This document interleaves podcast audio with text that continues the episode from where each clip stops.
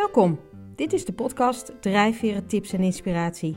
De podcast die je tips en inspiratie geeft hoe jij drijfveren toepast in jouw persoonlijke ontwikkeling en jouw business.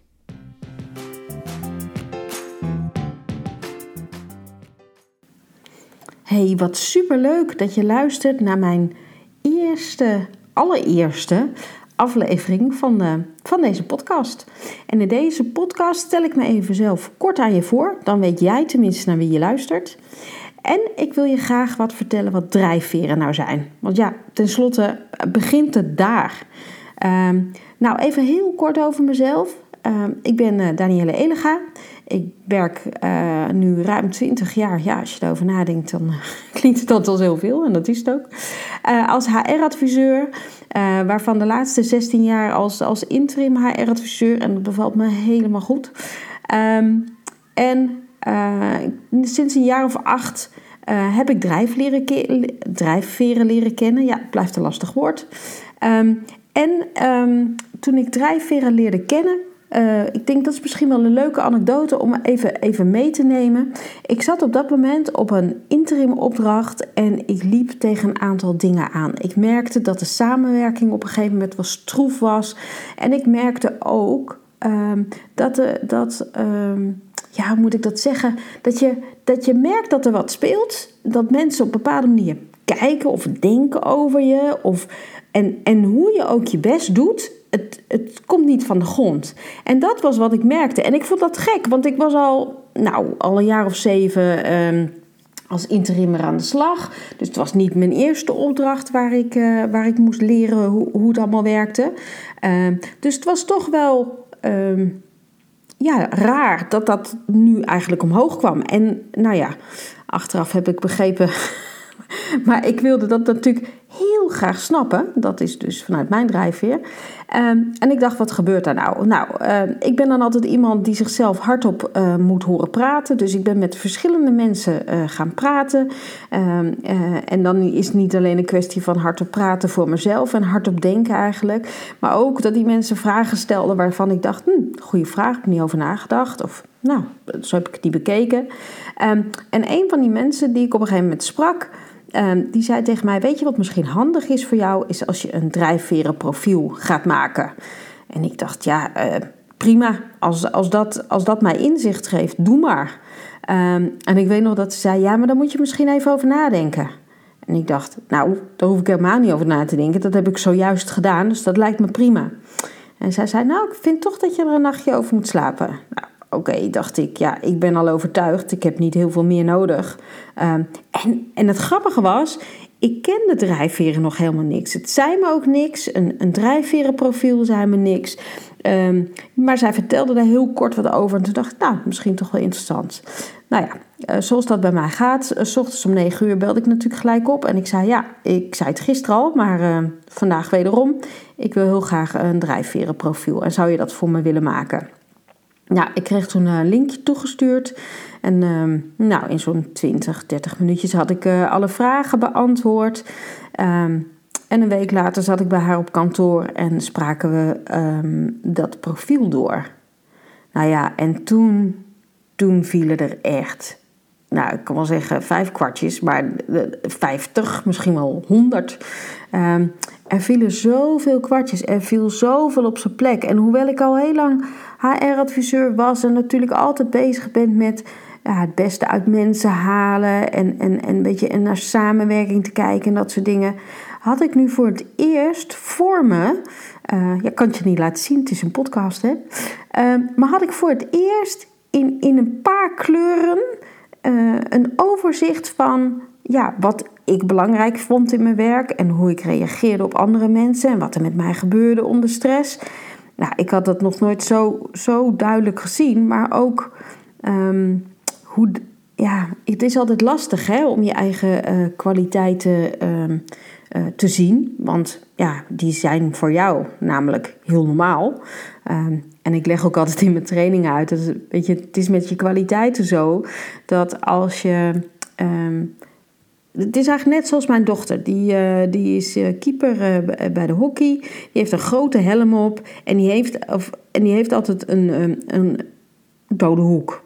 Eh, dus daar waar de bal tussen haar benen ligt, dan ziet ze hem niet. En als zij die helm op heeft, is er dus een stuk, zeg maar onder haar, wat ze niet ziet door die helm.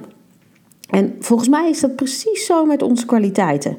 Weet je, het, het ligt zo dicht bij je. Je vindt het zo normaal dat je daardoor je eigen kwaliteiten niet ziet. En dat was het mooie nu van dat drijfverenprofiel. Zij liet mij precies zien waar mijn kracht zat. Um, en um, nou, daar kom ik later nog wel op terug op mijn eigen profiel. Ik kan daar wel even kort wat over zeggen, maar het zegt je misschien helemaal niks als je nu voor het eerst luistert. Mijn drijfverenprofiel was geel, oranje, rood. En geel houdt van veranderingen, houdt van afwisseling. En ik dacht, ja, dat is precies um, wat ik natuurlijk in mijn werk wil als interimmer. Um, die afwisseling, daar word ik blij van. En om te kijken naar uh, organisaties van oké, of processen, hoe kunnen dingen beter, slimmer, handiger? Waar heb ik dat eerder al gezien? Hoe kan ik dat hier toepassen? Um, en vanuit Oranje kijk ik dan ook nog eens even hoe dat uh, praktisch kan. Hè? Wat is nou een slimme oplossing in dit geval? En hoe kunnen we dat hier praktisch toepassen? En vanuit rood doe ik ook gelijk. Dus het was grappig dat um, um, degene van, uh, van die drijfveren ook zei: Ja, weet je, dit profiel is echt interim profiel. En ik wist op dat moment dat ik goed zat. En ik, maar ja, omdat ik niet zo lekker in die opdracht zat, begon ik daar ook zelfs daar nog aan te twijfelen. Um, en op het moment dat zij mij dus dat profiel liet zien, dacht ik: Oké, nou weet je, dat dat interimschap en dat HR-schap, daar hoef ik dus niet aan te twijfelen. Maar wat gebeurt er dan daar op die werkvloer waardoor die samenwerking niet lekker liep? En in één keer zag ik. Uh, dat die omgeving was heel erg van de structuur en was heel erg, we doen het al honderd jaar zo. Um, en trouwens, zo'n opmerking als we doen het al honderd jaar zo is voor mij een reden om het bijna gelijk al anders te gaan doen. Uh, just because, zou ik maar zeggen. Maar ja, um, het gaf mij op dat moment zoveel inzicht. En terwijl zij mij, haar, uh, terwijl zij mij uh, mijn profiel toelichtte, dacht ik: Oh, dit wil ik ook kunnen. En dit wil ik niet alleen kunnen op individueel niveau, maar ook in teams. Want jeetje, ik zag daar gelijk hoe het zat met die samenwerking. He, daar waar ik snel wilde, dat dat helemaal niet, uh, niet werkte in dat team. Dat daar waar ik uh, voor mijn gevoel.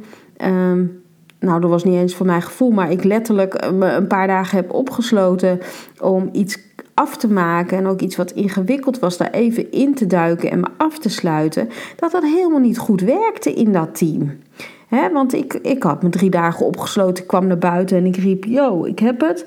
Uh, waarop de rest dacht: Ja, heel gezellig, maar uh, we hebben je drie dagen niet gezien. Je hebt niet met ons geluncht en je hebt ook geen koffie gehaald. En wat ik dus leerde uh, vanuit dat profiel was niet alleen dat ik inzicht kreeg in wat mijn eigen kwaliteiten en valkuilen waren, maar ook in um, hoe, hoe het nou, voor mij werkte in de samenwerking met anderen. Um, maar ook hoe anderen naar mij keken en wat zij nodig hadden. En nou, dat, was, dat was zo, um, ja, ik werd zo blij van dat inzicht dat ik dacht, nou, dit moet ik aan anderen gaan vertellen. En uh, nou, je hebt natuurlijk al uh, mij een aantal keren het woord drijfveren horen, horen zeggen. En wat is het nou, wat zijn nou drijfveren en wat is het vooral niet? Ja, um, ik vertel het altijd als, je hebt een, je hebt een ijsberg Boven het water zie je het gedrag wat iemand vertoont. Hè? Wat doe je? Dat is wat zichtbaar is. En onder de waterspiegel zit natuurlijk altijd een heel stuk van die, van die ijsberg nog. En dat gaat over wat, wat denk je en wat wil je. Dus als je drijfveren, ik zou maar zeggen als het onderste puntje van de, van de ijsberg ziet, dan, dan uh, is dat, nou ja, het is met een moeilijk woord intrinsieke motivatie. Hè? Laatst vroeg nog iemand, wat bedoel je daar nou mee? Waarop ik zei, nou, weet je, als het echt uit je kleinste teen komt, dat wat je heel graag wil, dat wat je heel graag, um, ja, wat jou stuurt, wat jou drijft, om het dan maar zo te zeggen. En um, vanuit die onderkant van die, van die ijsberg um, heb je dus je drijfveren, dat wat jou diep, diep van binnen drijft. Um, en van daaruit laat je gedrag zien. Maar mensen zien alleen maar jouw gedrag en reageren op jouw gedrag. en het mooie is natuurlijk dat als je kijkt naar die drijfveren uh, en die ijsberg, is dat je door meerdere dingen gedreven wordt. Mensen hebben ook nooit maar één drijfveer. Um, en het, die drijfveren zorgen er dus voor, of bepalen eigenlijk waarom je iets doet of waarom je iets bijvoorbeeld niet doet. En het stuurt ook je gedrag en je gevoel. En dan denk je, nou, waar komt dat nou vandaan? Nou, die drijfveren, ehm, die komen voort uit de manier uh, hoe wij naar de wereld kijken. Ehm, en dat wereldbeeld, dat is heel verschillend voor elke drijfveer. Leg ik je straks nog even uit. Nou, Graves, die heeft deze theorie ontwikkeld. Heeft dat, uh, het is uitgewerkt in het boek Spiral Dynamics. En van daaruit zijn er zeven drijfveren benoemd. Zeven drijfveren met ieder een eigen kleur. We hebben de drijfveren geel, groen, oranje, rood, blauw, paars, turquoise. Volgens mij ben ik nu niks vergeten. Nou, volgens mij waren het er zeven. Ik had even niet meegeteld. Um, en die, die verschillende kleuren, want dat is ook vaak een vraag uh, tijdens mijn training: waarom zijn het kleuren? Nou, kleuren zijn waardevrij. En dat is de reden dat we vaak kleuren gebruiken. Er zijn allerlei uh, verschillende andere theorieën die ook kleuren gebruiken. Ik zou zeggen, laat, als je daar kennis van hebt van die andere uh, methodieken, laat die kleuren even voor wat het zijn. Want uiteindelijk zijn kleuren waardevrij. Je hebt daar niet gelijk een beeld bij misschien nog dat je zegt, nou ik vind rood een krachtige kleur, maar voor de rest heb je niet het idee dat groen slimmer is dan geel, dat geel sneller is dan blauw. Dat, nee, weet je, die beelden hebben we niet. En uh, nou, er is wel eens iemand geweest die tijdens mijn training zei, maar, maar het zou toch ook leuk zijn als je die in plaats van kleuren, dat je dat dan in dieren zou weergeven. Maar ja, weet je, serieus, als ik een een muis, een olifant en een antilope uh, op een rij zet. En of ik zou zeven dieren op een rijtje zetten, dan heb je er al gelijk beeld bij. Die is groot, die is klein, die is snel, die is langzaam, die is slim. Uh, weet je, daar heb je, daar heb je allerlei beelden bij. En dat is de reden waarom we niet praten in, uh, in dieren of allerlei andere woorden, omdat er toch associaties bij zijn. Met kleuren is dat niet zo. Nou, dan weer even terug. Hè. We hebben zeven drijfveren. Um, en vanuit die drijfveren, jouw eigen unieke combinatie, kijk je naar de wereld. Kijk je naar je werk. Kijk je naar de samenwerking eh, van anderen. En het helpt je dan ook om inzicht te krijgen in nou, hoe jij werkt en ook hoe anderen werken. Hè. Dat vertelde ik net al in mijn eigen verhaal natuurlijk. Um, het helpt je ook om makkelijker te communiceren. Want als jij nu eenmaal weet dat iemand meer behoefte heeft aan feiten, ehm, aan structuur, aan verbinding. En dan ga je dat niet doen vanuit een trucje, maar als je dat weet, dan kun je dat ook gaan doen. Um, um, het zorgt ervoor dat je niet alleen je eigen talenten herkent, maar ook die van een ander. En het gaat uit van je eigen sterke punten. Natuurlijk als HR-adviseur word ik er vaak bijgeroepen dat als het, als het niet werkt hè, of iemand uh, functioneert niet. Um, wat je vaak ziet is dat we van mensen dingen verwachten die ze niet, ja, waar, waar ze gewoon niet zo goed in zijn. En, uh, en ik hang toch wel de theorie aan dat het veel makkelijker is om dingen te verbeteren waar je al goed in bent. Dingen waar je niet goed in bent, nou ja, je kunt van een 4 misschien nog een 6 maken, maar het kost je natuurlijk veel minder energie om, om, om van een 7 9 te maken. Ehm, en dus daar waar je goed in bent, en ik zei het net al met die hockeyhelm, dat zien we vaak niet van onszelf. Sterker nog, we komen er vaak achter in een samenwerking. Dat je met iemand aan het werk bent en dat je denkt, ja, het is toch logisch als je dat zo doet. Of het is toch logisch om dat zo weer te geven. Of nou, vooral het woord logisch. Kijk, eigenlijk merk je pas in de samenwerking van een ander wat je eigen kwaliteiten zijn, omdat jij die bij een ander ook veronderstelt. Um, en dat is vaak niet zo. Uh, en die ander verwacht ook weer hè, zijn eigen kwaliteiten bij jou terug te zien. En ook dat is niet, lang niet altijd het geval. Nou ja, het helpt je dus ook als je inzicht hebt in je drijfveren in, in, in de samenwerking. Um, en het laat dus ook je, je eigen kracht zien en je valkuil. Want ja, uh, hè, een medaille heeft ook twee kanten en dat geldt ook voor een drijfveer. En het laat je ook zien hoe je omgaat met werkdruk. Nou, dat is in de notendop wat, wat drijfveren zijn. Ehm, en vooral wat het ook niet is, hè, vind ik ook heel belangrijk om te zeggen. Want uh, ik hoor natuurlijk ook wel eens dat mensen zeggen: Oh ja, groen, is, dat is samenwerken en dat is zorg voor iemand anders. En, uh, nou, dat, en uh, geen nee kunnen zeggen, nou, dat is echt iets voor vrouwen. Ik denk, nou, nee, want drijfveren zeggen niks over geslacht, of over leeftijd, of over ras, of over dat je slim bent of niet. Nee, En gelukkig maar, want anders zou ik er echt niet meer werken. Ehm, want dan zouden we op basis van een. Van, en dat is ook trouwens waar ik een hekel aan heb. Hè, dat je op basis van een vragenlijst van 20 minuten gelijk kan zeggen. Nou, jij bent uh, dus uh, niet goed in je werk. Jij bent dus. Weet je, zo werkt het niet. Het is juist uh, bedoeld als inzicht te krijgen in je eigen kwaliteiten. Maar ook ja, daar waar je leeg op loopt. Waar je geen energie van krijgt. Um, en dat merk ik vaak. Weet je, sommige dingen weet je wel van jezelf. Al dan niet een beetje.